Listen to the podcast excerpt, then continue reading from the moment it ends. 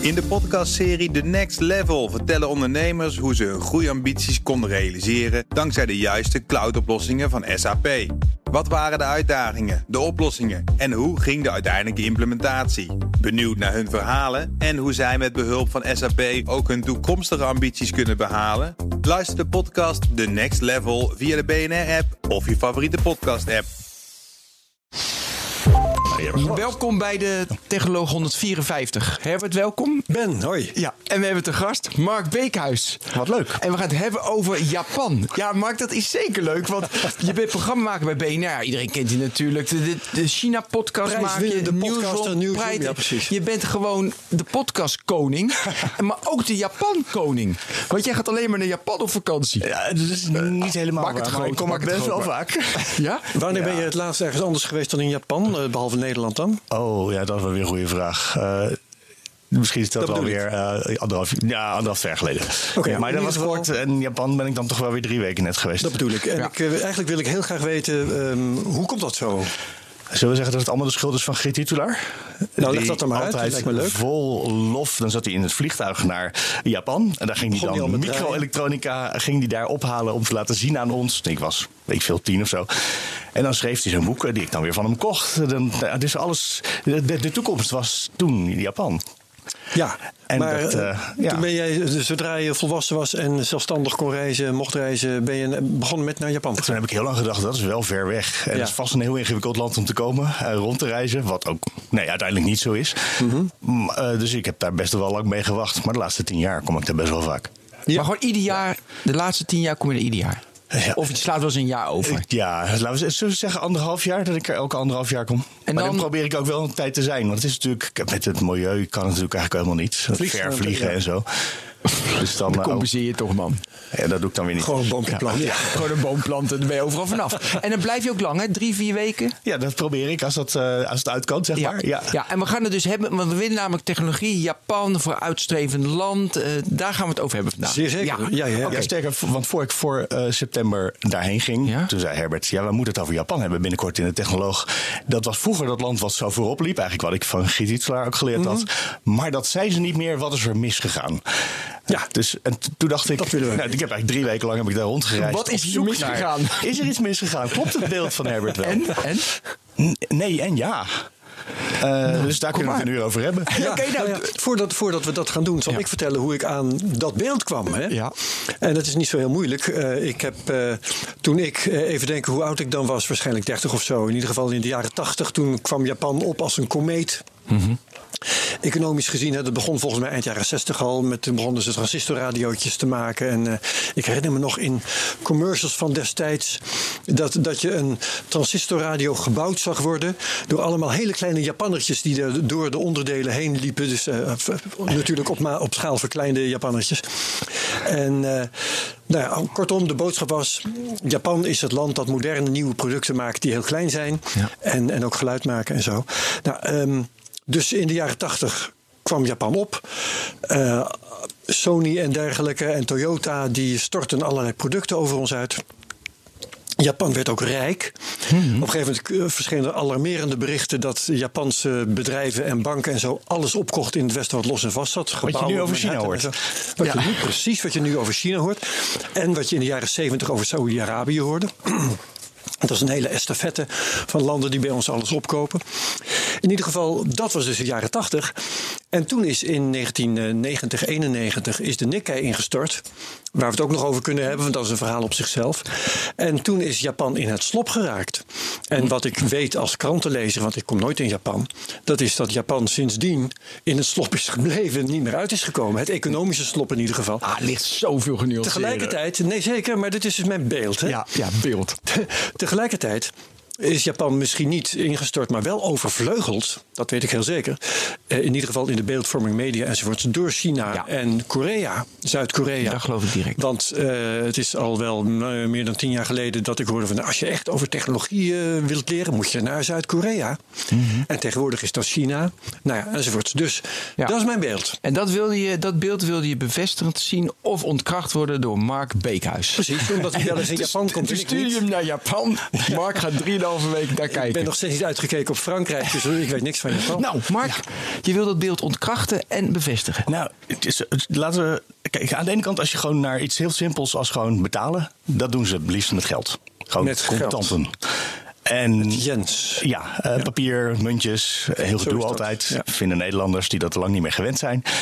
Eh, dus in dat opzicht denk je, ja, dit is wel heel ouderwets. Waarom zou je dat nog doen? Maar ze hebben ook een hele oude bevolking. Hè. Die wordt steeds ouder gemiddeld. De overheid is nu net begonnen deze, deze maanden met een grote campagne om iedereen op eh, ja, cashless te krijgen. Dus het land is zich er wel van bewust dat ze hier achterlopen. Dus ze proberen er misschien wat laat voor Nederlandse begrippen, maar iets mee te Ja. doen. Ja. Eh, en wat las ik nou net? In 2025 moet 40% van de transacties in Tokio cashless zijn. Ja, nou, nou, dat is dus heel weinig nog steeds over zes Ja, jaar. zeker vergeleken met eh, pak een beetje China. Ah. Waarvan ik heb eh, gel- gelezen onlangs nog. de- de- trouwens, jij doet de China-podcast, dat weet je vast ook. Dat zelfs bedelaars daar met een QR-code op straat Ja, maar ja, dat zie je in Amsterdam ook. Dat je ook kan pinnen bij bedelaars, toch? Hier. Oh, dat heb ik nog nooit geprobeerd. Nou ja, dat zag ik in het nieuwsbericht. Maar nu, gelijk pakken we dat mobile payment pakken we even aan. Want nu even mijn persoonlijke ervaring met, je- eh, hoe het met Japan.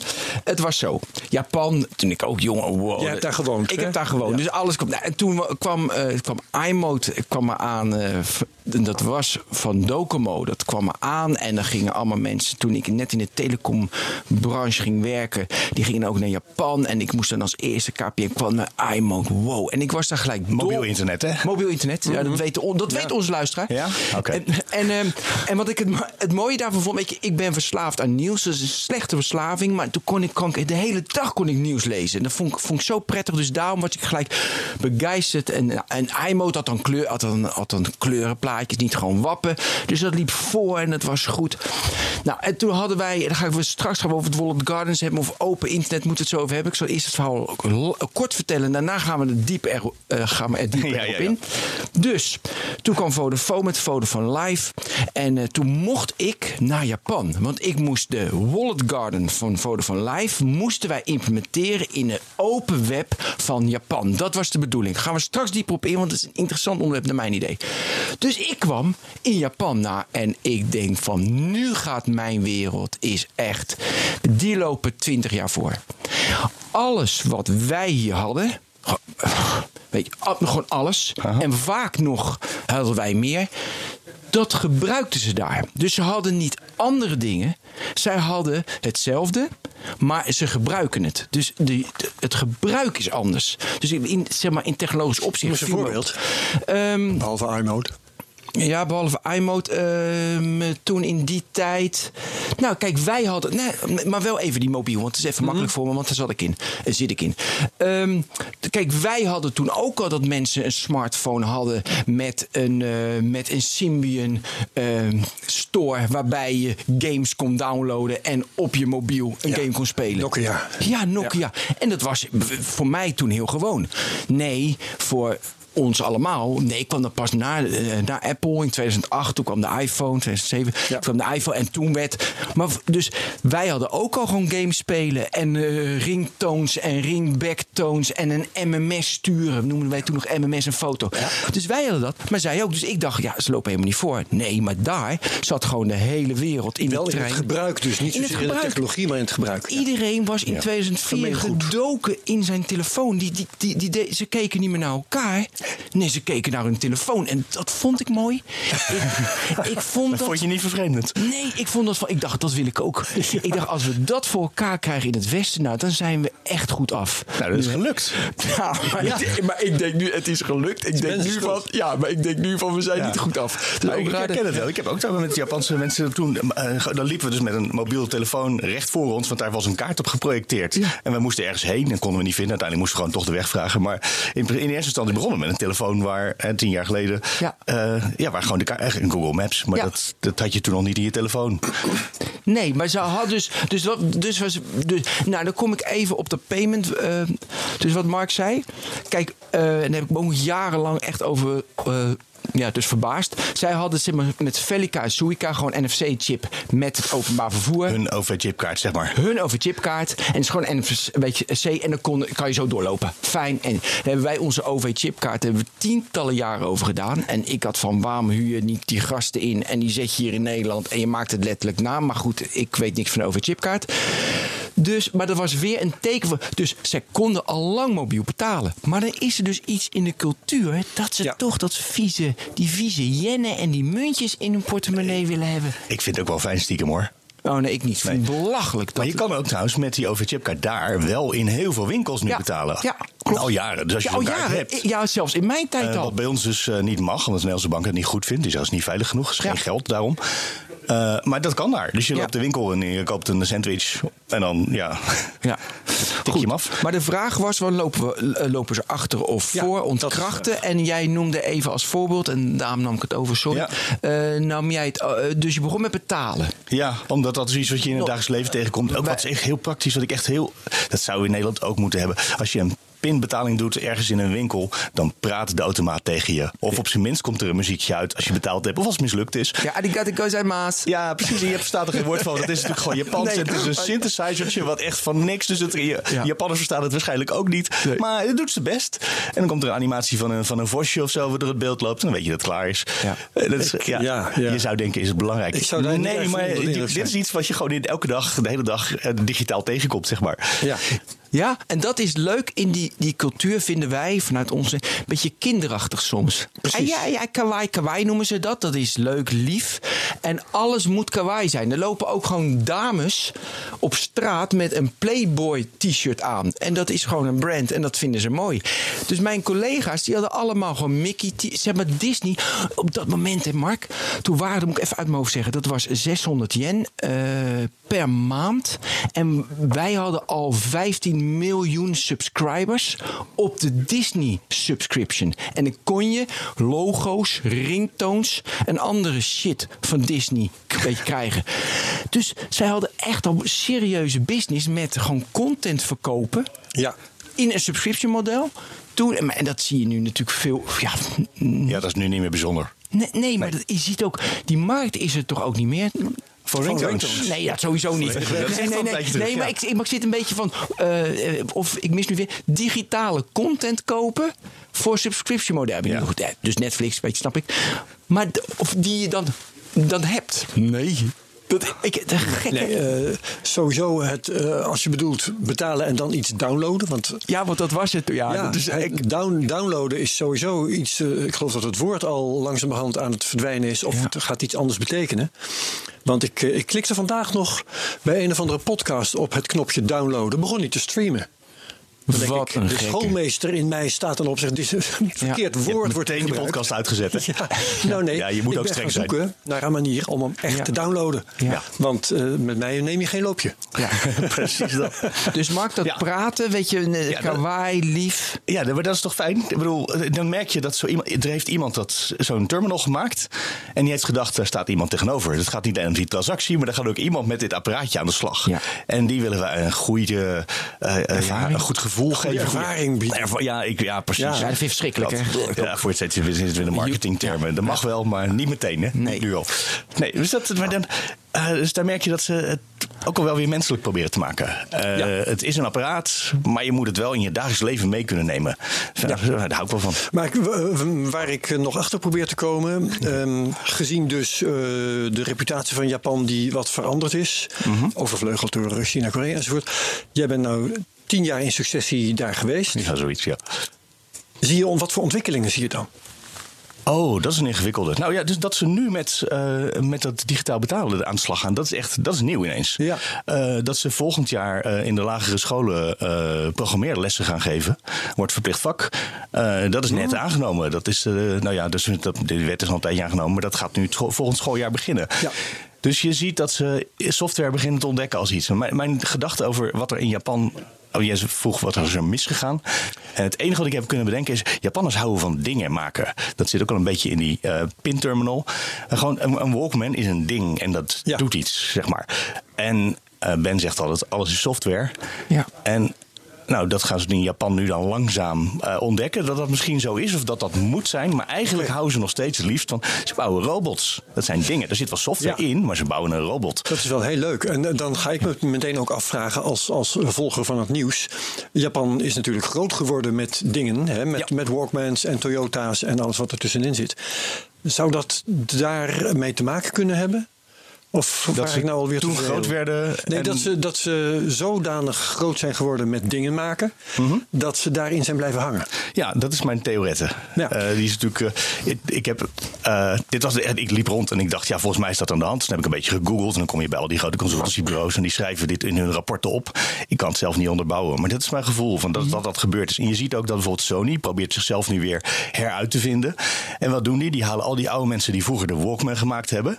En die zijn nu weer een nieuwe versie van die iBo gaan maken. Hè, dat hondje. Het hondje, ja. En daar zitten dus de cassette recorder motortjes in die ze nog van vroeger kenden. En zo leren ze dus, de oude generatie leert de nieuwe generatie om die kunstmatige intelligente hond met toch gewoon de fysieke techniek van volkmens van toen, om daar nu weer een nieuw product van te maken. En dus weer een product. En misschien ook dat ze van dingen houden, weet je, vanuit het Sintoïsme. Dat vind ik ook zo interessant. Dan heb je bijvoorbeeld een gebouw. En een gebouw, dat is een oud. En dan eh, slopen ze het. En dan zetten ze een nieuw gebouw neer. En een gebouw is nieuw, weet je, uit eh 1950. Maar het gaat helemaal niet om dat gebouw. Het gaat om de plek.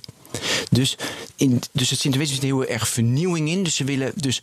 ehm, kijk, je ziet het ook. De gebouw moet weg. Nieuw gebouw ziet er mooi uit. Dus dat is ook eh, dus een ding. En wij gaan er opknappen, software optimaliseer je. Dus wij gaan een huis renoveren.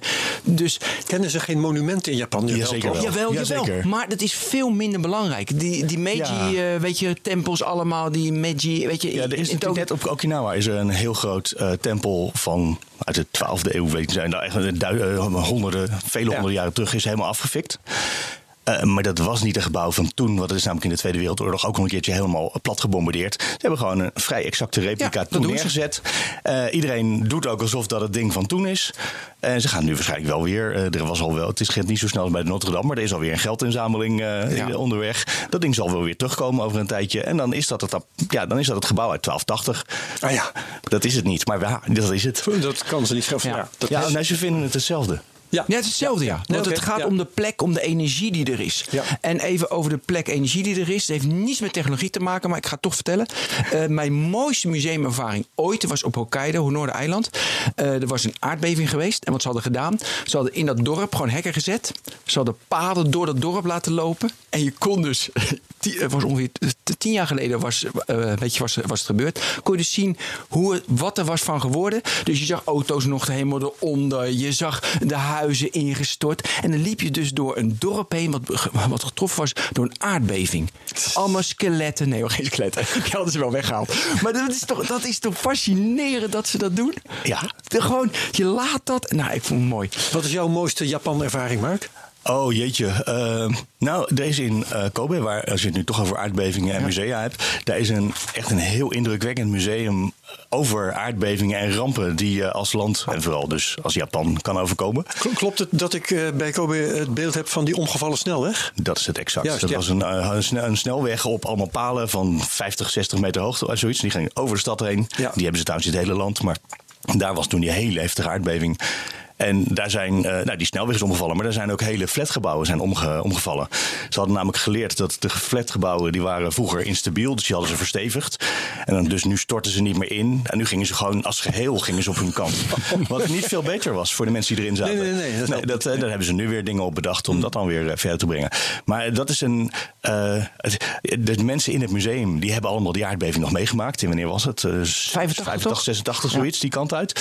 Eh, dus de mensen die hier rondleiden, die kunnen hier ook over vertellen. Dat is eigenlijk nog Groningen. Hebben wij nu ook een probleem? Nou, dat, daar geloofden ze niet in. Nee, nee, nee, nee, Daar precies. hebben we Kraft 3. wel een schaal van eh, eh, 3,6 met schaal van Richter. eh. Ja, precies. Nee, daar gaat de pas tellen vanaf 6, 6,5. Dan denken ze, oh ja, dit was al... Ja, maar daar heb je, daar, je begint daar het eh, museum met een, eh, met een reconstructie van hoe eh, zo'n aardbeving is. En dat er dus ineens in alle flatgebouwen om je heen overal brand uitbreekt en zo.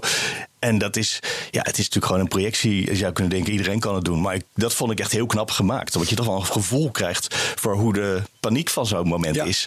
Terwijl, het, ja, je kan, het heeft ook een beetje een soort Efteling, eh, zeg maar het spookhuis, de gevoel tegelijkertijd. Ik wilde net zeggen, het lijkt me ook echt wel iets voor Japanners om dan die aardbeving fysiek te simuleren. Doen ze dat dan ook? Eh, ja, je kan in, die, eh, in het museum kan je op een stoel gaan zitten. Op, een, op zo'n tafel die dan heel hard heen en weer gaat Ja. schuiven. Of je kan op een, klei- een kleinere schaal hebben ze dus flatgebouwen gebouwen die ze dan door een aardbeving heen en weer schudden. En dan heb je alle oplossingen die je kan doen om een gebouw te- te verstevigen.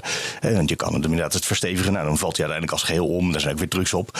Eh, die, die kan je dan allemaal fysiek gaan proberen. Want fysiek, ja, nou precies, we hadden het net over fysiek. Ja. Dat zijn Japanners. Ja. En hebben ze ook nu al, want het was toen natuurlijk niet veel VR, AR, hologram. Ja, de ho- Dat ja, ik, eh, hologram hadden ze wel. september nu. Ik was in een, in een kasteel. Dus eh, nou, Ja. dan denk je middeleeuwen. Eh, Zo'n soort gevoel heeft het ook.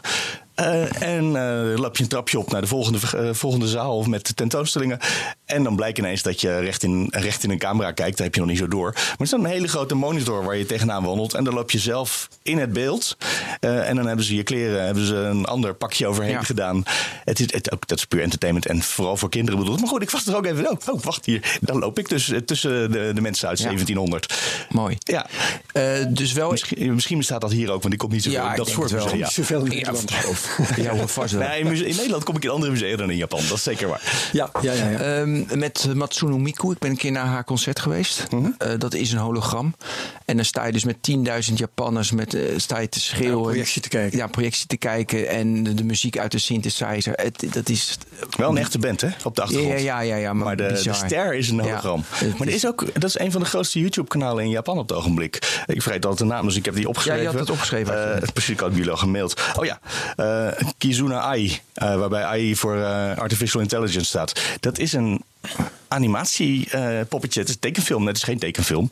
Het is een YouTube-kanaal waarin zij... eh, eh, ja, die presenteert ze of ze zingt. Ja. Eh, maar er zijn ook zo regelmatig zijn er insets en interviews de echte mensen. Eh, er is dus een van de actrice die op de achtergrond dat doet. Met een, zo ja, zo'n tekenfilmstemmetje zoals ze dat in Japan alleen maar kunnen. Heel schreeuwerig en schel. Eh, dat is een van de grootste eh, YouTube-kanalen van Japan op het ogenblik. Nou, dat vind ik wel fascinerend. Kijk, wij lezen over dit soort. Ik noem het even excessen. Dat is het niet, maar ik noem het even. een- Mhm, ja, begrijp die- precies van nu. Ja. En, en, en, maar daar hebben ze dus 2,7 miljoen met je volgers. En dan is het. Natuurlijk, je hebt 125 miljoen tegenwoordig mensen daar. Dus je hebt, het is groot en Tokio is natuurlijk groot. Dus je hebt altijd wel weer een doelgroep die dat mooi vindt. Maar weet je, wij hebben het dus ook. Maar bij ons is dat minder. Maar wij vinden dat ook wel heel gek. Doe maar gewoon, dan doe je al gek Ja, genoeg. dat is natuurlijk echt Nederland. Je gaat je toch niet laten interviewen door een tekenfilmfiguur? Ja. Nee, en je gaat die tekenfiguur ook niet zelf interviewen. Nee, nou, dat, maar deze is dominant genoeg, dat overkomt je. je, Ja. bent, je kan reageren, maar dat is je kans. Maar Ja. het, het gaat natuurlijk om onze verhouding als mens naar, eh, dus naar technologie. En weet je, zij is natuurlijk virtueel. En dat kan ook met een hologram, met dat Miku kan het zijn. Je hebt dat met heel veel dingen. En wij verhouden ons toch abstracter. Weet je, wij zijn minder één. En zij hebben op een of andere manier, jij gaat straks een verklaring geven. Mooi. Ja, fijn hè? Eh, wa- waarbij, zij, waarbij het veel meer één is. Zou het kunnen zijn dat, dat ook. eh, je had het net over objecten, die gaat, het gaat om de plek. Maar als je een berg hebt, een berg is iets en dat heeft iets van leven in zich. En een boom is iets en dat heeft iets van leven in zich. Ja, dat is het bij- Dus als je dat hebt, dan kan een computer dat misschien Ja. ook wel hebben. Of Ja. een tekenfilmfiguurtje. Waarom niet? Ja, en daarom pleit. Dat is mooi. hè. Dus bij, bij de Japanen zeggen ze dan: weet je, in alle dingen zitten ook zielen. Nou, haha, bo boomknuffelaars kunnen we. Maar toch heb ik van: hé, hey, wij bij ons, wij, wij maken een onderscheid tussen een ding en een mens. En ik pleit hier toch voor dat we daar iets meer naartoe gaan. Dat we het meer als geheel zien. Want daardoor Het is zien een we. geleidende schaal natuurlijk ook. Een, een boom is minder een ding dan een Ja. stapeltje A4'tjes. Ja, maar je moet al hetzelfde voelen, eigenlijk, dat stapeltje A4'tjes, als ik bij Herbert voel. Ja, dat is, dat is moeilijk te Maar dan helpt het wel als het een beetje beweegt als een mens toch hoor. Ja, meer. Maar een Japaner heeft dus. Ah, het is natuurlijk theorie dit. Maar in principe, weet je, het is. eh, Een ding zit dichter bij ze. En wij ma- maken, weet je, het- humanisme heel erg strikt een mens. En, de, de- en dat is maar buiten ons. En ik denk als je naar het milieu kijkt en hoe we met technologie dat we het ethisch moeten doen. Dat best wel handig is als we dat meer integreren. Meer voelen van, hé, hey, wat gebeurt er met ons en met dat ding? Maar misschien is het ook wel veel platter natuurlijk dat in de Japanse cultuur, anime en eh, manga, gewoon, dat is literatuur. Daar en dat zijn hebben. tekenfilms waar je gewoon als volwassene, die worden volwassenen gemaakt. Ja. Dat hebben wij hier in Nederland ook wel een beetje en een beetje gekregen in de laatste jaren. Maar Ja, dat is, het is niet zo dat al onze literatuur van de afgelopen honderd jaar allemaal ook als eh, tekenfilm eh, te, te zien is of als Nee. cartoon te lezen. Nee. Ik, ehm, ja. Nou, even over de, ik denk dat we door moeten gaan op de anime. Dat, dat principe is best wel apart. Weet je, je dus je zit op een, eh, gewoon op een perron. En er zit gewoon een, een, een vrouw van oudere leeftijd naast je. En ik zat zo half te kijken. Nou, dat was best wel heftig. Goh, wat zij. Gewoon in eh, zeg maar, agressief geweld. Wat zij las. En denk ik, hè? Oh. Ja, met je middelbare leeftijd, vrouwen. Dat is ook in de, in de geest. Kunnen wij als Westeling niet snappen. Nou, wij zouden dat niet tekenen, waardoor het te, te Ja. grafisch voor ons wordt. Ja. Als, maar dat, ja, onze boeken komt dit natuurlijk ook in voor, allerlei gruwelijke details. Ja, maar Hoewel we die soms ook wel eens tussen twee hoofdstukken instoppen, zodat je dan eh, zelf moet invullen. Ja, ik Maar, lees dat soort ja. dingen niet. Oké. Nee, maar Japanners wel. Ja. En, eh, ja. Eh, zij pas nu. Ja. Maar ik las pas nog over eh, hoe de, de verhalen van Jan Wolkers overkomen op de huidige schooljeugd. Oh ja, En en die vinden, nou, die vinden dat maar weerzinwekkend. ja, Ja. is het natuurlijk ook.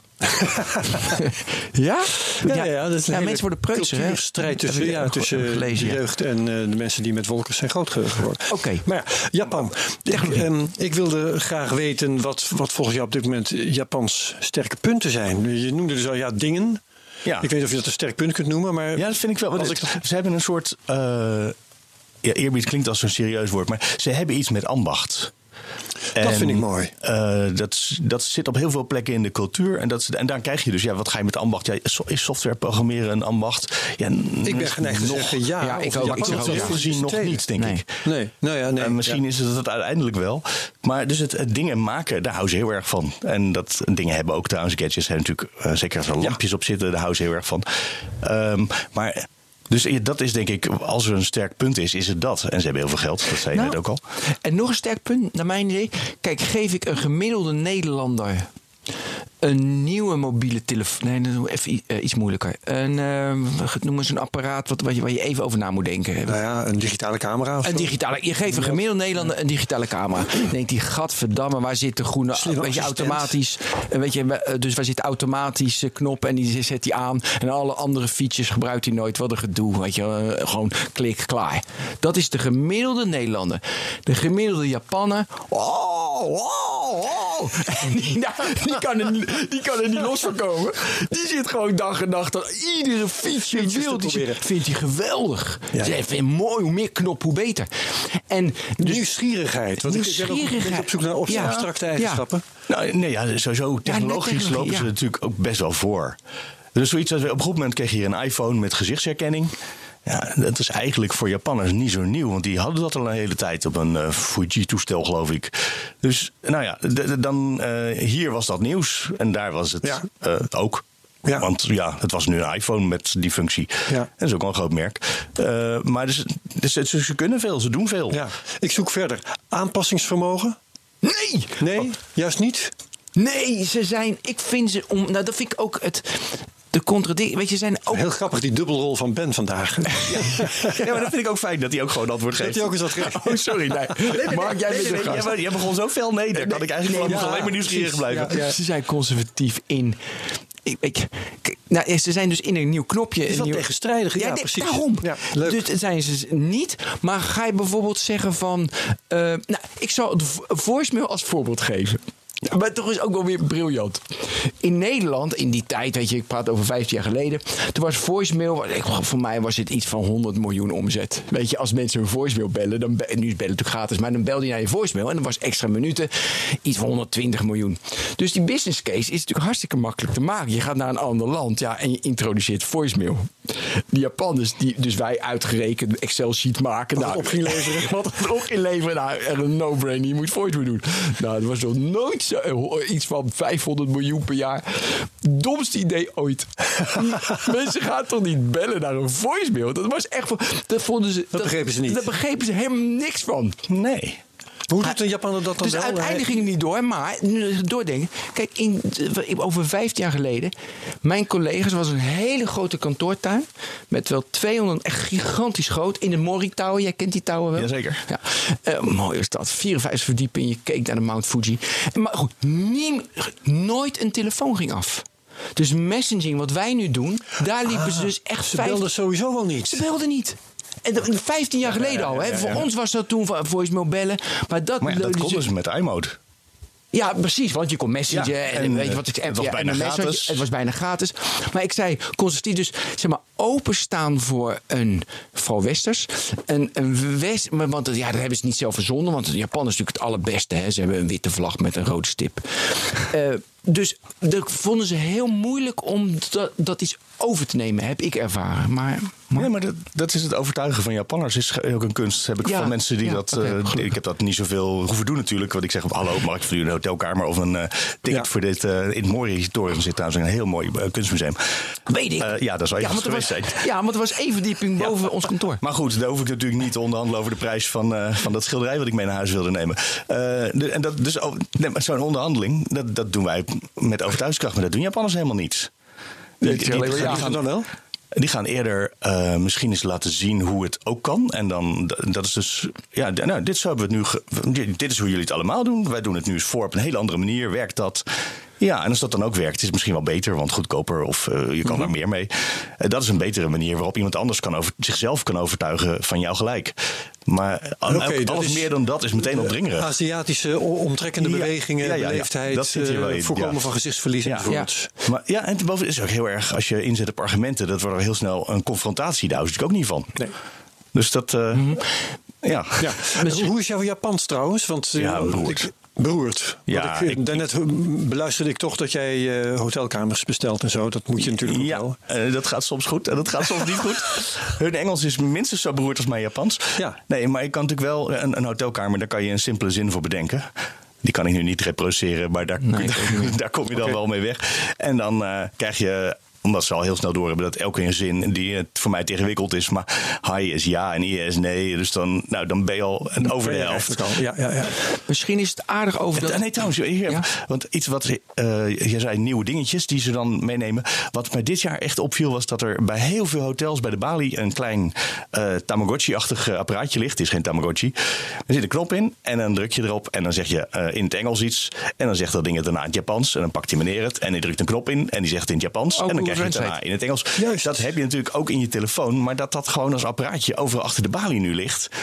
En dat hebben ze, ja, ondanks hun conservatisme dan toch, Ja. gewoon uit praktische overwegingen. Ja. En omdat ze zo behulpzaam willen zijn, ze kunnen niet anders. Dus dan heb je zo'n apparaatje En is je liggen. reinste Star Trek. Ik heb dat in Nederland nog nooit gezien. Nee. Nee. En het is, ja, het, is, het is een heel simpel ding met één knop. Ja, dat ze dan weer een ander apparaat ervoor maken. En wij zeggen alles integreren in die mobiele telefoon. dingetje. Ja, maar dit is handig. want Dan, kan Misschien- ik, dan kan je hem aan jou geven Ja. en dan pak jij hem en dan zeg je iets. En tegen de tijd dat je hem hebt teruggegeven, zegt hij het in het Japans. Mooi. Misschien is het aardig. Ik moest een cross-cultural training doen. En je had het net over veranderingen en conservatief. En toen kregen we, de, vind ik, een mooie les. Les voor mijn leven. Als wij in het Westen iets willen, zeggen we: We hebben een idee. We gaan een podcast maken hebben. Dan zeggen we: Ja, dat doen we. En als je ja hebt gezegd, dan komen de. Oh ja, dan moet je met BNR praten. En dan moet je een podcaststudio, Gedoe, ja. gedoe. En dan nee, kun je heel veel. Kom, maar we hebben al ja gezegd, maar heel veel dingen om uiteindelijk tot het einde te komen. Hm. In het oosten kreeg ik tijdens die training is precies andersom. Je gaat eerst dat gedoe helemaal uitwerken over hoe moeten we dat allemaal doen. Gedoe, gedoe. En daarna Helemaal- kom je pas op het idee. Eh, nee, ja, nee, je hebt een idee, maar dat gedoe ga je helemaal uitwerken. Idee hou je voor jezelf. Dan zeg je, Oh ja. dan zeg je ja. En dan heb je alles al uitgezocht. Dus de implementatie is dan heel kort. En wij als Westelingen, in dat gedoe in het begin, hebben wij van ja, het gaat nooit gebeuren. Kansloos, wat een gekke. Dat hebben we als West. Want ja, de, nee, maar als ze eenmaal ja hebben gezegd, dan implementeren ze. Waf. Ja. Leuk. Want dat uitzoeken, dat is stiekem natuurlijk een deel van het overtuigen. Juist. Eh, want je weet dat het kan. Ja. Dus waarom zou je nee zeggen? Eh, ja, en, Ja. da- en daarom is, is, die, is die les van hey, je moet niet gelijk ja zeggen, want je weet er komen allemaal problemen. Nee, soms moet je iets meer uitzoeken. Dat is een Ja. aardige balans. Ik heb een keer, dat is misschien wel grappig om te vertellen, als eh, totaal beginnende televisieredacteur. Ik praat nu ook weer over begin jaren tachtig zo'n beetje. Had ik contact met iemand in Japan. Ik weet niet meer hoe ik dat contact tot stand heb weten te krijgen, maar dat ging via de fax. En mijn doel was om aan bepaald beeldmateriaal te komen. En eh, ik vroeg: Heeft u voor mij dat en dat beeldmateriaal? Ja hoor. En eh, toen gebeurde er een hele tijd niks. En toen ging ik weer eh, de vraag opnieuw stellen. Ik, u had dat beeldmateriaal toch? Uh, ik hoop dat dat binnenkort is. Ja, ja, ja. ja. Nou ja, ik geloof dat ik er pas jaren later achter ben gekomen dat ja ook wel eens nee betekent in zulke conversaties. Ja, dat kunnen ze. ja, precies. het is nee. Uh, mag ik even terugkomen op de, de software? Je zou, zouden van dingen. Software wordt lastig. En uh, je, dus je hebt die uh, dat Kaizen, de manier van iets fabriceren, een Japanse beroemde manier in Toyota, dat je het productieproces steeds beter maakt, beter maakt, beter maakt. Toen ik dat las en ik dacht software, dan zouden ze eigenlijk goed moeten zijn in software. Want software intrinsiek is dat je het ook altijd beter maakt. Er zit altijd bugs in, dus je moet het altijd beter. Moet niet, maar een beetje, je hebt, je hebt een versie, komt, komt een nieuwe versie. Dan is het best wel apart dat ze dat Kaizen niet kunnen zetten op software, maar wel op een, op een fysiek productieproces. Dan gaat Kaizen ook niet vooral over hoe teams werken. Thuis dat hele, hier op het ogenblik, uh, iedereen gebruikt Trello, wat een, ja. een westerse versie van Kanban is, wat ja. weer uit die productiemethode komt. Ja. Ook weer zoiets wat stiekem wel uit Japan komt. We weten het alleen niet. Net als emoji, vind ik ook heel fijn. Uh, dat is gewoon echt, over. Ja, ja. is precies. Straks. Um, maar uh, als, je, als het gaat over hoe kan je als team, als zelfsturend team liefst ook nog, uh, je proces verbeteren, is natuurlijk iets anders dan wanneer je heel hiërarchisch gaat zeggen: de software moet deze functionaliteit krijgen en er moet een dingetje bij. Ja, maar de software beter. Het is natuurlijk ook het team dat die software. Ik heb meer in de verbeteringsdenken. Ja. Maar dat, ik, ja, ik vond dat opvallend. Maar ja, goed. Ja, ik snap, ik snap de, ja, dus, ja, maar dat hebben ze wel allebei. Dat ze ja. uh, het ene wel doen, het andere niet. Ja. Emoji. Emoji, ja. Wat moeten we daarover zeggen? Want iedereen kent ze. Iedereen kent ze. Ik kwam toevallig vandaag nog in de krant. Vandaag is, eh, voor de luisteraars, vandaag is 14 november. Een uh, Nederlandse softwaremaakster tegen. Die had bedacht dat er een app moest komen waarmee mensen zelf konden bedenken wat voor nieuwe emoji er zouden moeten komen. Want dat werd ons maar opgelegd van bovenaf. Ja. Vond ik wel, vond ik wel stoer. En er is pas een aflevering van. Goed was die tegenlicht uitzending. ja, die moet, die moet in de show notes. Ah, ja, ik maak ze. Fantastisch uit. Ja, en iedereen moet die ook gaan kijken. Ja. Echt heel serieus. Emoji um, als fenomeen komt dus uit Japan. Vertel. Ja, nou de allereerste uh, smiley, die is volgens mij door een Amerikaan ooit getypt. Met ja. een dubbele punt en een liggend streepje en een haakje sluiten. Precies. Of de andere kant uit, dat weet ik niet meer. Mm, het haakje uh, komt op het laatst. Ja, ja maar of, of hij dat ook al toen al deed. Dat is het allereerste, want dat is iets van 30, 40 jaar geleden inmiddels. Ja. Uh, maar dat je daar plaatjes van maakt. Wat wij hier via Yahoo op een goed moment ook kregen. En tegenwoordig zit het in alle telefoons. Dat is dat hele concept dat je ook je hele bericht vol stopt met allemaal tekeningetjes. Dat je niet pizza intypt, maar een plaatje van een pizza, want dat heb je tenslotte. Exact. Wat ik echt heel veel gezoek vind altijd. Het is uh, makkelijker om pizza te typen. Ja, ik denk ja. graag pizza. Ja. Uh, maar dat is iets wat ze in Japan eerst voor het eerst groot zijn gaan maken. Waarschijnlijk ook omdat ze daar veel eerder begonnen met dat messaging met iMode. Maar misschien ook wel omdat zij een taal hebben die uit karakters bestaat. Ja. En zij moeten zich een breuk zoeken naar het karakter voor pizza. Kun je net zo goed zoeken naar een plaatje. Ja, ze tikken fonetisch. Dus uh, dan komen oh. er, er zit een oh. soort spellingscorrectie in. Uh, en dan dus je tikt uh, de letters in en dan per lettergreep. En dan op goed moment komen er, komt er een lijstje met bedoel je deze en dan ah. komt dat. Goed, of je okay. mag ook zelf met de hand tekenen. Dat kan natuurlijk ook als je wil. Maar Oké. Okay. En je kan op het scherm kan je gewoon tekenen tegenwoordig. Ja, maar traditioneel hebben ze gewoon een toetsenbord. Ja, ja, precies. Traditioneel hebben ze een toetsenbord waarbij ze per lettergreep typen. Briljant allemaal dit. Ja. Maar toen hebben ze dus de emotie uitgevonden. En dat hebben wij hier overgenomen. Ja. Maar dan, die zijn, wat, doen, wat hebben wij nog aan de Japanners tegenwoordig? Dat was een beetje de vraag ja, waarmee je me op vakantie stuurde. Ze hebben ons de emoji gebracht. Ja, dit en de Trello. En, uh, en dus ze hadden al gezichtsherkenning in de, in de, in de camera's. Uh, voor dat. Ja. Ze, ze deden het allemaal al. Trouwens ook als je nu geld gaat pinnen bij een Japanse bank... met een Japanse bankrekening... is de kans groot dat die geldautomaat eerst even jouw gezicht ook herkent. Zodat je niet alleen je pincode intikt, maar zodat ik weet dat jij het bent. Doen ze ook aan privacy in Japan? Uh, nee, niet echt. Een beetje. Uh, kijk, uh, traditionele Japanse huizen zijn heel dun. Ja. Dus als je het gezellig hebt met je vriendin in de kamer daarnaast, dan kan je dat weten. Dus iedereen houdt zich heel erg in en zegt ook niks daarover. Dus in dat opzicht, de privacy is georganiseerd. Namelijk, je zegt niks over elkaar. Maar als je echt privacy wil, dan ga je naar een love hotel met betonnen muren trouwens. Ja. Grote ronddraaide bedden en zo. En daar kan je dan een paar uur ongestoord. Al weet iedereen precies wat je dan van plan bent daar waarschijnlijk. Uh, zeker als je naar binnen gaat. Ja. Dus, dus ja, toch ook weer. Dit is altijd nee een jaar in, in alles in Japan. Um, maar dus ja, privacy. En ze zijn natuurlijk ook iets meer een groep dan wij. Hè. Wij zijn heel erg individualistisch qua opvoeding of qua cultuur. En Japanners zijn de familie of de groep of het dorp of het land. Ja, maar hebben ze dan ook iets, ik weet niet of ik nou te veel vraag hoor, maar dan hoor ik het wel, ja, als een AVG? Eh, nee. eh, en van Radbouw Molijn, die wij voor BNR heel veel over Japan bellen, omdat hij daar nog veel vaker komt dan ik. Die heeft met eh, Japanse bedrijven gepraat over hoe, wat ze in Japan aan moeten. Als een Japan- een Japans bedrijf hier iets wil met die AVG. En dat hij het er eigenlijk niet uitgelegd kreeg. Terwijl hij echt precies begrijpt hoe die cultuur daar in elkaar zit. En die van ons ook. En hij, ja, ik ga het maar juridisch voor jullie vertalen, want anders dan komen jullie er niet. En dan ging je eens naar het hoofdkantoor en zei ze, ja, dit vinden we onwerkbaar. Dat, vinden, dat snappen we niet. Eh, dus die, dat is een concept waar ze moeilijk mee uit de voeten kunnen. Ja. Amerikanen natuurlijk toch ook. Die, vinden, die, die weten, hebben voldoende juristen Eh, in dienst die om... begrijpen dat op een heel andere manier. Die begrijpen dat ze het noodzakelijkerwijs moeten doen. Maar Ja. Japanners die kunnen er cultureel gezien lastig Die, mee die overweg. begrijpen niet eh, wat wij winnen bij die AVG. En eh, die begrijpen ook niet waarom wij hun moeten dwarsbomen in hun streven naar winstmaximalisatie. Ja. Nee, precies. Want, Dat is Amerika, de Amerikaanse cultuur, die ken ik wel een beetje. die, die snappen wij dan weer niet echt. Nou ja, snappen, snappen. Ik vind het ongelijk hebben, dat is wat anders. Nee, maar dat je de vanzelfsprekendheid, dat je het over privacy hebt hier. Ja. En Japanners hebben wel iets van privacy. Ze doen er wel een beetje aan. Maar een ander privacybegrip. Ja, ze hebben ook wel een hele zwakke versie van onze AVG. Want er is wel iets geregeld ook in hun wet. Maar daar heeft niemand het, net zoals hier, heeft ook niet echt iedereen het de hele dag over. Maar daar hebben ze het echt Ja, niet ja, ja, over. is wel een dingetje. Ja, in, in bedrijven. Maar als je hier de straat op gaat of in de kroeg, heeft, heeft toch niemand het over privacy? Nee, nee, nee, nee. Eh, hooguit over dat foto's uitgelekt zijn, maar niet over wat bedrijven met je Nee, nee, gegevens nee, doen. natuurlijk niet. Nee, dat is waar. Nee. Ja. Hoe zit het daar met, eh, hoe, hoe het met social media? Eh, is Facebook daar heel groot? Ik Nee, Facebook is volgens mij irrelevant bijna. Ja, hè? Eh, iedereen zit op Line, wat een Koreaans Ja. systeem is. Oh, ja. Eh, en Twitter is redelijk groot.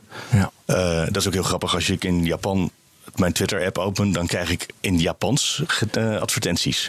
Wat natuurlijk heel gek is, want ik zei, ik zei net, mijn Japans is niet zo goed. Twitter zou kunnen weten dat jij geen Japanner bent. Nou, dat hebben ze dus kennelijk. eh, kennelijk is hun advertentiesysteem niet zo nee, briljant. oké, dat eh, Ja. leren wij dan weer. Ja, maar, dus, maar het- wat, ze vooral, wat wij voor WhatsApp gebruiken, daar gebruik je Line voor. En Line is wel meer dan dat, maar dat, dat zit ook vol met. Wat, wat- ik zag het nu ook in, eh, in WhatsApp zitten, dat je niet alleen een emoji kan doen, maar je iemand ook een hart onder de riem kan steken met een sticker. Een hele grote emoji die bijna Ja. beeldvullend is. En ik heb ook wel mensen gezien die dan. Dan komt er een teddybeer, eh, half beeldvullend. En daaronder staat dan een regenwolkje. En dan staat. Nou, ik, ik kan die, gevolgen, die gesprekken niet volgen. Maar een soort rebuscommunicatie. Ja, dochter, moeder, eh, die hebben dat precies van elkaar door wat er gebeurt. Maar ik vind het leukste hieraan dat Mark denkt... hé, hey, we hebben stickers hier nu tegenwoordig. Ja, stickers is ook wel een dingetje, ja. Dat Ja, hebben- nee, ja, het, het overkwam me ineens dat eh, iemand die per ongeluk naar mij typte. En toen zei 13 ik weet niet dat ik dat gedaan heb. Wat voor telefoon heb je trouwens? Oh, ik heb een cat. Eh, Oh, dat is van, eh, van dat graafmachinemerk. Ja, daar kan Die ik tenminste vallen. kunnen- Ja, en dat kan ook echt. ja. Ik, het eh, scherm ik gaat zit wel heel erg voor te stellen hoe morgen onze luisteraars thuis zeggen... Ik heb, in de, ik heb in de technoloog gehoord, stickers is nu een dingetje. Ja, daarom. Nee, dat vond ik zo leuk dat Mark zegt... ik heb gezien Hebben we stickers. het toch maar bereikt. jongen, jongen, dat is al zo'n oud man. Ja, dat weet ik wel. Dat weet ik wel. Maar ik kom het nooit tegen met, Nee. in mijn bubbel. Ja, in- inderdaad. Ja. Hé hey Mark, ehm, ik... eh, maar je dat hebt- komt dus uit Japan. Ja, precies, de stickers. Nee, ja, ja, precies, maar- ja, dat is maar- eigenlijk wat ik bedoel te Maar lijn, want ik heb lijn wel getest, ook hier. Maar ja, daar kan je natuurlijk weinig mee. Maar dat, was, het is niet, het is vrij standaard. Ik heb denk ik een jaar, anderhalf jaar geleden getest. Ik ook al een keer drie jaar geleden, geloof ik. Maar het is vrij, een beetje stickertjes sturen, een beetje, een beetje messaging. Maar het was niet zoals WeChat. Dat is in het Westen ook niet zoals WeChat in China, weet ik. Maar dat is in Japan toch ook niet, dat Line, eh, alle betalingen, taxis. eh, Eh, ja, je kan tegenwoordig. Kan je, Ja, met Line ook in met, Japan? Is het kan ook je volgens anders? mij met. Nee, hier, je zit nu bovenop het nieuws met deze opmerking. Nee, Op oh, jawel, deze dagen is er, eh, zijn er onderhandelingen over de vraag of Softbank eh, en, daar gaan we het over hebben, eh, en Line, Ja. uit Korea, en Ja. Softbank is Japans Ja. investeringsbedrijf, maar of die samen één betaaldienst gaan doen. Want die hebben namelijk ieder hun eigen betaaldienst. Die van Line die is redelijk groot, hoewel nog steeds iedereen alles contant doet. Die van Softbank, Is- dat heet ja, PP en dat zit in iets anders. Ik Maar geloof ze zitten, ze zitten ook diep in Alipay, hoor. Kan je nagaan, dat weet ik niet, maar dat is in China. Eh, Ja, precies. Ja, nee, maar, de, nee, maar. Sonsan zit diep in Alipay. eh, in Alibaba. Ja. Hij zit overal diep in, maar goed. Ja, Ehm, maar dat, dat andere, dat PP-systeem, wat van Softbank is, Ja. en dat zit daar in Yahoo, wat vroeger heel groot was, als eh, zoekmachine en als portal uit de tijd dat dat nog een woord was. Maar die gaan misschien nu samen één betaaldienst maken. Dat ze die twee gaan samenvoegen, waardoor het misschien ook wel weer makkelijker wordt voor consumenten en voor bedrijven om daar mee overweg te kunnen. Dus ja, Had ik niet gelezen. Dus Nee, dat is, we hebben ook, nieuws. is ook nog niet rond. Ja, Het kan ook nog niet goed gaan. Oké, Het nieuws is dat het nog niet rond is. Ehm, je hebt een aantal leuke dingen genoemd. ehm, eh, die vertaalmachientjes op de balie van een hotel. eh, dingen op het gebied van betalen en zo. Stickers. Ehm, maar kun je eens een paar, eh, een paar dingen opsommen? eh, leuke uitvindingen die je in de loop der jaren in Japan bent tegengekomen. Waar, waar wij nog nooit van hebben gehoord? Of die er waren voordat wij ervan hoorden? Ja, daar, daar was ik natuurlijk al een beetje mee begonnen. Ja. Maar ik weet niet of die lijst nog heel veel langer is van de dingen die ik nu bij Oké, heb. Nou, ja, nee, in de categorie echt totaal anders. Want we hebben het nu allemaal over virtuele wereld. Als je in Tokio over straat loopt, trouwens, als je op een bergtop ergens eh, bent, maakt niet uit. Het hele land staat vol met drankautomaten. Ik weet, dat is al heel handig. Als je een flesje drinken wil hebben, stop je er 100 yen in. En dan krijg je een flesje met water of thee of wat het ook is. En dat is op zich, dat hebben wij hier natuurlijk ook. Denk je, dat is niet zo bijzonder. Ja.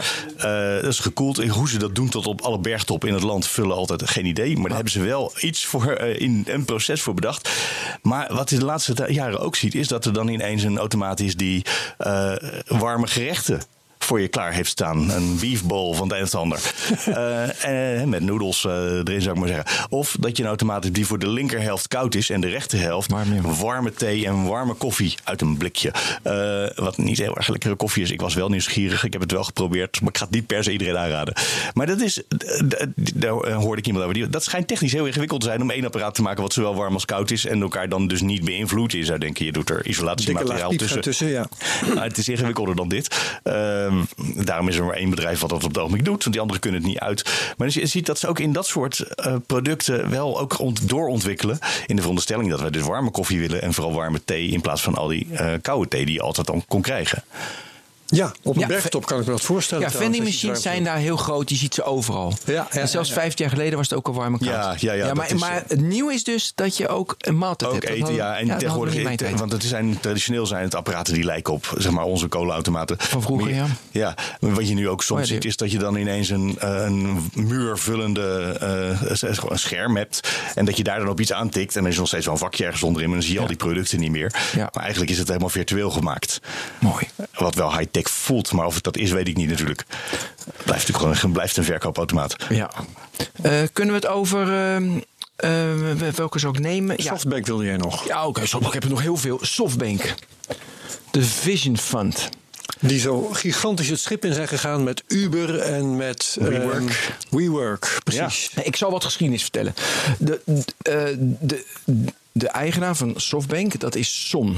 Een Koreaan trouwens weer, hè? Nee, nee, is Is hij Japaner. Japaner? Oh, pardon, Japaner, dan heb ik het, sorry. En Son-san, eh, die, eh, die was eh, zeg maar, eind jaren 90 was hij naar Amerika, ging hij studeren en, eh, op Harvard. En allemaal mooi, mooi, mooi. En toen kwam hij terug en toen zag hij dat er low-cost internetbedrijven waren in het Westen. En dat had je niet in China. Het was Docomo, het was EU, weet je, het was alleen maar eh, duur. Dus hij denkt, wat ik doe, ik ga gewoon... on- Masayoshi Son is een Korean-Japanese billionaire businessman. Oké, nou dan heeft hij zijn vader of zijn moeder is dan maar oorspronkelijk opgegroeid is hij in Japan. Ja.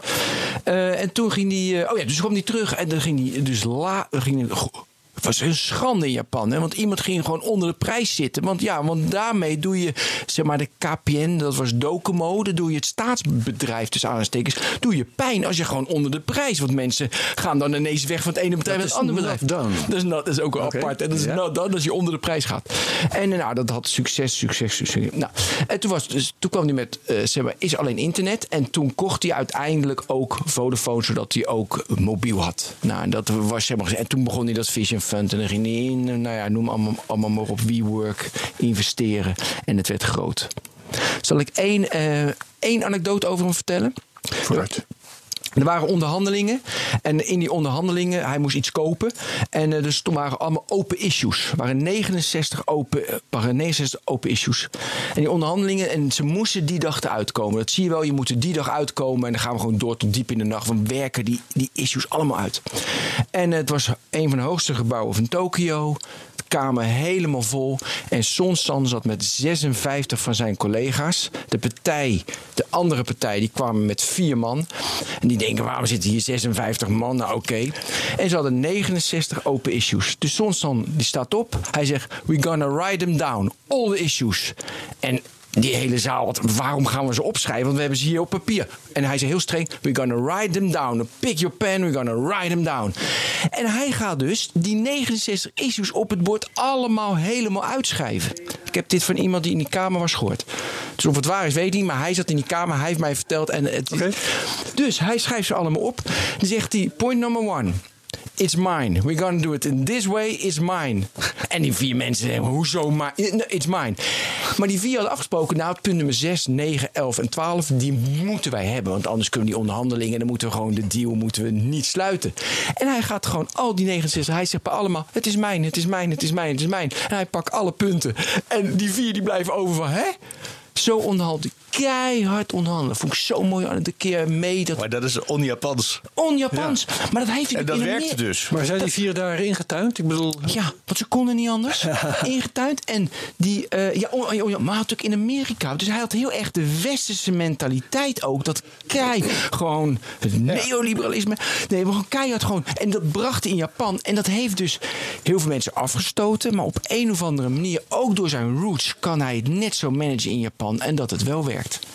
Ja, ik vind het eh, fascinerend. Maar ja, nu is hij flink de lul hè, met WeWork. en zo. ja, dus Ja, hebben je wel vergist minder je harakiri gepleegd ja, ja, daarom. Ja. Ja, ik weet niet of ze dat nog zo vaak doen hoor. Nee, nee, je hoort er niks andere tijd. Ja, dus- maar toch, maar toch.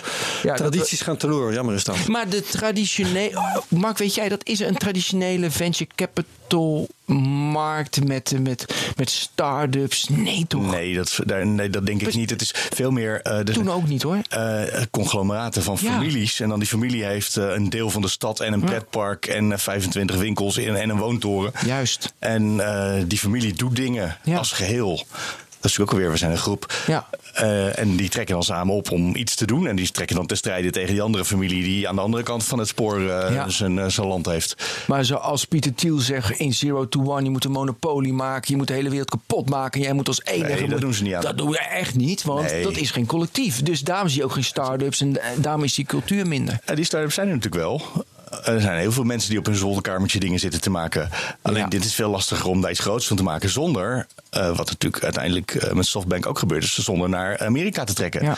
Want daar is die cultuur die daarbij past. Ja, klopt. Ik wil, ja, sorry, Ben. Nou ja, ik- wil doorgaan op het mensen op een zolderkamertje. Ja, fantastisch. Je hebt daar, eh, dat heeft ook een naam, de hi hikikomori. Hikikomori, ja. ja.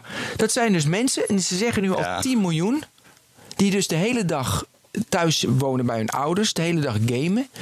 En eh, voor de rest, Ja, of niet eens. of niet eens. Mensen die eigenlijk gewoon het leven een beetje hebben opgegeven, daar komt het wel op neer. Ja, Het leven opgegeven. Ja, ja, ja. Ook geen, dat geen baan hebben of zo. Die, die zich uitgesloten voelen in de wereld, waarschijnlijk geen baan hebben. Of eh, misschien een keertje een krant bezorgen 's morgens en dan weer terug naar binnen. Want werk, dat kan misschien nog wel, maar als je dan maar meteen weer thuis gewoon zit teruggetrokken uit de maatschappij. Ja. Omdat het wel een hele stressvolle maatschappij is. Ik bedoel, met al, al die sociale, maatregelen, sociale conventies waar we het al een beetje over hebben. Over hoe je met onderhandelingen en hoe, je, eh, hoe mensen met elkaar omgaan en de privacy. Het is, het is niet per se een leuk land, denk ik, om te, eh, echt Om als. Japanner te wonen. Eh, en dan ook nog met een enorme prestatiedruk die daarbij hoort. Die is natuurlijk in, eh, in dat hele stuk van Azië wel kennen.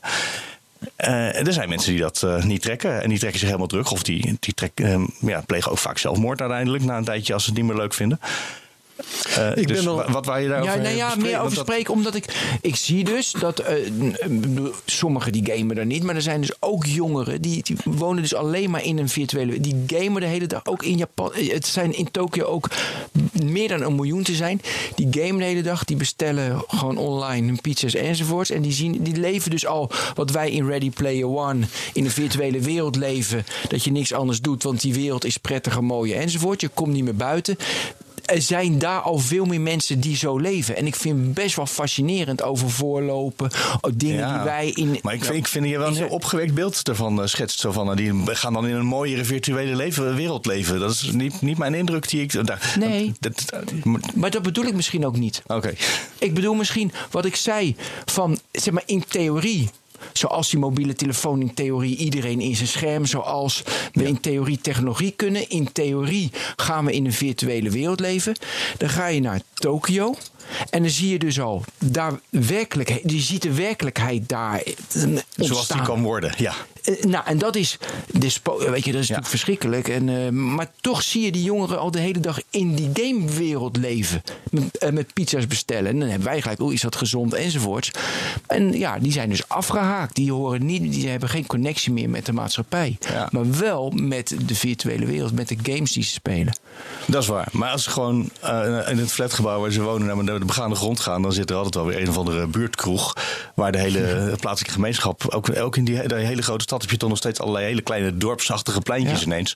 Waar gewoon eh, de, ja, de mensen van die regio bij elkaar komen, of van die, van die wijk. Ja. En dat is dan ineens alleen maar. Ja, het we hebben, gezellig schijnt een Nederlands woord te zijn. Maar dat is toch wel het beste woord wat je ervoor kan gebruiken. Ja. Dat, het- ja, dat je Maar daar de avond met elkaar doorbrengt. En eh, som- eh, afhankelijk van waar je bent, zingen of plaatjes draaien of praten. Karaoke. Ja, Ja. ja. karaoke, dat is nog weer iets. Dan trek je je terug in een zaaltje met een groep mensen. Oh ja. Oh, dat is ook een heel verhaal. Nee, maar Ja, dat nee. ook dus zeg maar een familie gaat dan gewoon koken voor zes andere families. Dus dan komen ze bij elkaar s'avonds, want je kookt toch. Dus dan kook je, want dan kun je ook Ja, koken voor kan. meer mensen. allen in het park als het straks Ja. weer lente wordt. Want ze hebben natuurlijk best wel mooi weer. Dat is wel heel fijn eraan. Dat is heel fijn. Ik wil graag nog eventjes terug naar dat land dat economisch in het slop zit. Mhm. Wat merk je daarvan als je in Japan komt op straat? In Tokio niks. Niks. Nou, er zijn een paar zwervers, maar die worden weggejaagd. Ja. Eh, in sommige steden is het wel zo, als je daar s'nachts door... Ze hebben van die hele grote, eh, hele grote brede winkelstraten met eh, mooie overkappingen... zodat je er in de, niet door de regen hoeft te lopen. Maar als je daar dan, als de winkels dicht zijn, doorheen loopt... dan kan het wel zijn dat er ineens 40 mensen daar in slaapzakken naast elkaar liggen. Eh, Oké, dat is ja. dan eh, niet georganiseerd, maar het heeft zichzelf georganiseerd. En het is geen overlast, want dan moeten ze weg. Eh, dus ja, dat, dat bestaat dan daar en kennelijk functioneert dat. Eh zitten ze dan in. het- Ja, we hebben hier ook zwervers natuurlijk. En ook Ja. mensen die dakloos zijn Want- en willen zijn, Dan misschien moet je de zelfs vraag erbij stellen: is dat meer geworden in de Ja, afgelopen en daar kan ik 30 niet over zien. dat is voor jou natuurlijk. Nou, ik heb eh, het in de afgelopen eh, september niet gezien. Dus misschien Nee. is het minder geworden. Ja. Het kan ook zijn dat misschien wordt het meer onderdrukt. Of als ik in Nee, de want ik regio vind het dat fascinerend omdat, omdat Japan dus nu te boek staat als het land waar het economisch eh, maar niet opschiet. Al 30 Mhm. jaar. Ik heb even de cijfers nagekeken. Sinds eh, 1990 zo'n beetje is het groeicijfer, eh, schommelt het rond de 1%, maar ook best wel vaak daaronder. Ja. Eh, dus microscopische groei. is, eh, Ja, maar ze houden het al heel lang wel vol. Er zitten ook geen, dip- Ja. geen dipjes in. Nee. Maar als je in Tokio loopt, dat is gewoon een grote wereldstad, heel veel geld. Ja, heel veel geld. Precies. Ja. En, en, ik, En dat ik is het enige wat je ziet. Toen, toen eh, het eh, ongeval in Fukushima gebeurde, toen eh, kwamen er ook acties op gang van we moeten Japan helpen. En toen heb ik ook ergens in de krant gelezen van iemand die er blijkbaar verstand van had. Dat is helemaal niet nodig Japan helpen, want Japan heeft geld genoeg. Het gaat daar prima. Ehm, en dat vind ik interessant, omdat wij hier altijd te horen krijgen: stilstand is achteruitgang. En als we niet groeien, dan kunnen we dit en dat niet betalen. Ehm, Nee, ik denk dat dat eh, in Japan dat je kan zien dat dat misschien niet waar is. Japan is een testcase dat laat zien dat economische groei eigenlijk helemaal niet nodig is. Eh, het, het kan prima zonder. Ja, als je, ja, als je dat erin wil zien. Dat is natuurlijk heel on-Nederlands om dat erin te willen zien. Maar, dat, ja, eh, maar dan maken we dan ja. gewoon de headline van voor deze. Ja, st- ja. Eh, want het is natuurlijk het is geen achteruitgang op zich. Het is wel, ze hebben wel elk jaar ongelooflijke hoeveelheid, echt miljoenen en miljoenen aan schade aan alle aardbevingen en aardverzakkingen en wat er Ja. allemaal niet is. En eh kleinere tsunamis soms, die er soms eh, toch nog even in een kustdorpje even wat schade doen. Ja. Ja. Dat vangen ze allemaal op. Het was wel, ik was vrij kort na die kernramp in Japan. Niet in het gebied waar dat was, dat leek me niet zo handig. Maar juist helemaal in het andere uiterste. En daar was wel bij elk eh, stadscentrum, in elk treinstation waar collectes. eh, stond er weer een schoolklas. Stond er met een grote emmer om geld op te halen voor iedereen. Ja. Dus dat was wel. Er was toen wel een soort mobilisatie om geld van het hele land naar Fukushima te brengen. Maar goed, dat brengt het hele Maar dat konden ze dus op. ook opbrengen. Ja, maar Ja. Het, het, grote, het is natuurlijk, ze hebben 250% van het bruto nationaal, produ- eh, bruto nationaal product is schuld. Dus de staatsschuld is gigantisch. Wij, Dat is de allerhoogste in de hele wereld. de hele wereld. Wereldrecord.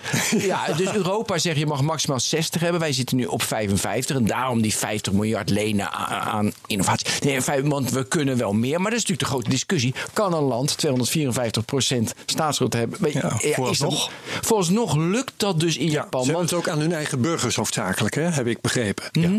En de, wat- gewoon fascinerend is, zeg maar, de kwaliteit van leven.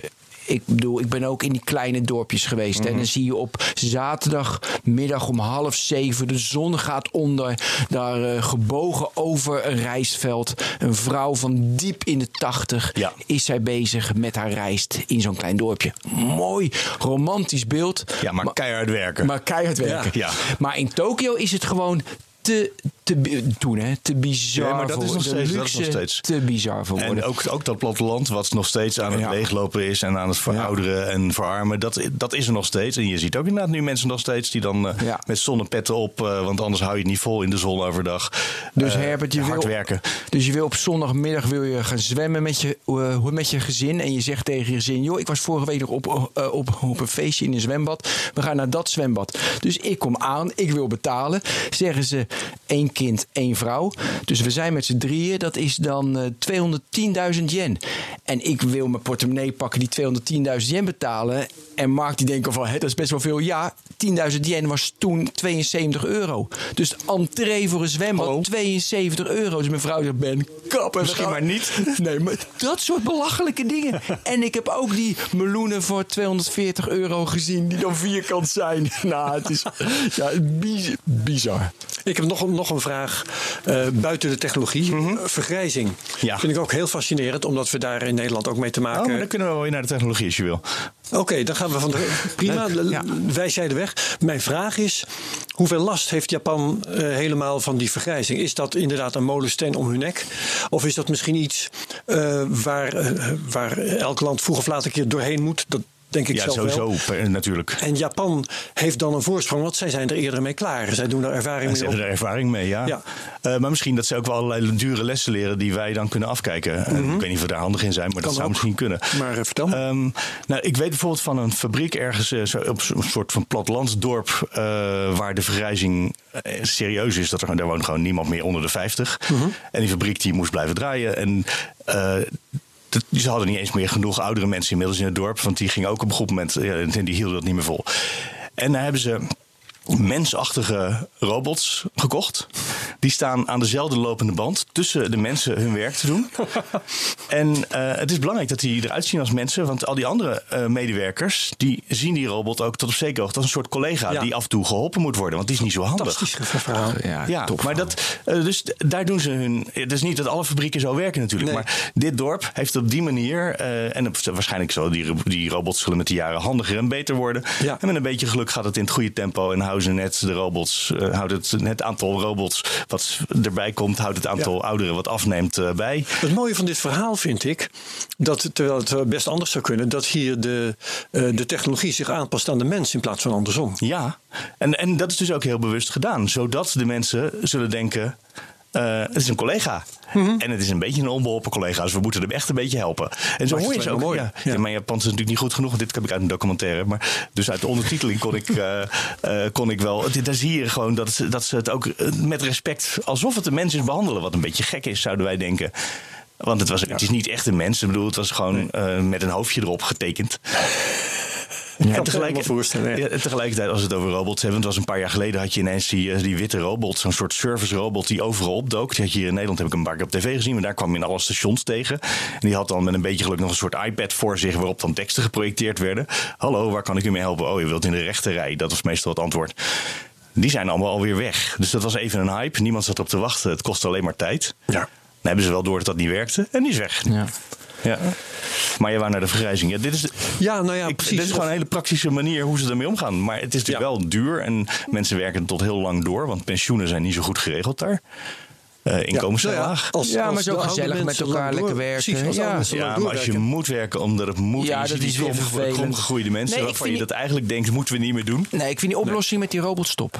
Maar als het. eh, Maar dat zou hier niet werken. hè? Nee, weet Dat je dan eh een lopende band een, een personeelslid eruit haalt en zegt, nou zetten we een robot tussen. Ja, dan moet je, de- moet je de bonden zien. eh, word je moet weggelachen de in bonden horen. Ja, of, weggeprotesteerd inderdaad. Ja. Dat kan ook Dan nog. gaan we, krijgen we weer Ja, in allemaal mensen in, in dat Malieveld. Japanse dorp was het alternatief dat de fabriek stopte, want dan konden ze Ja. gewoon niet doorgaan. Ja. Dus dat is natuurlijk de andere kant. Met dat argument zou je het in Nederland ook nog wel door. Ja, dat is een- Oké, eh, we hebben ruim een uur erop zitten.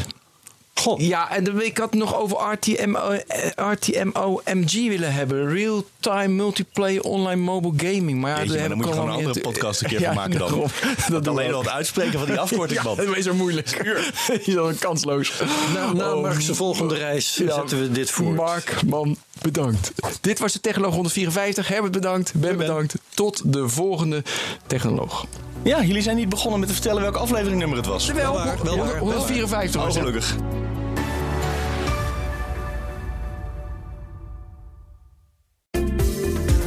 In de podcastserie The Next Level vertellen ondernemers hoe ze hun groeiambities konden realiseren dankzij de juiste cloudoplossingen van SAP. Wat waren de uitdagingen, de oplossingen en hoe ging de uiteindelijke implementatie? Benieuwd naar hun verhalen en hoe zij met behulp van SAP ook hun toekomstige ambities kunnen behalen? Luister de podcast The Next Level via de BNR-app of je favoriete podcast-app.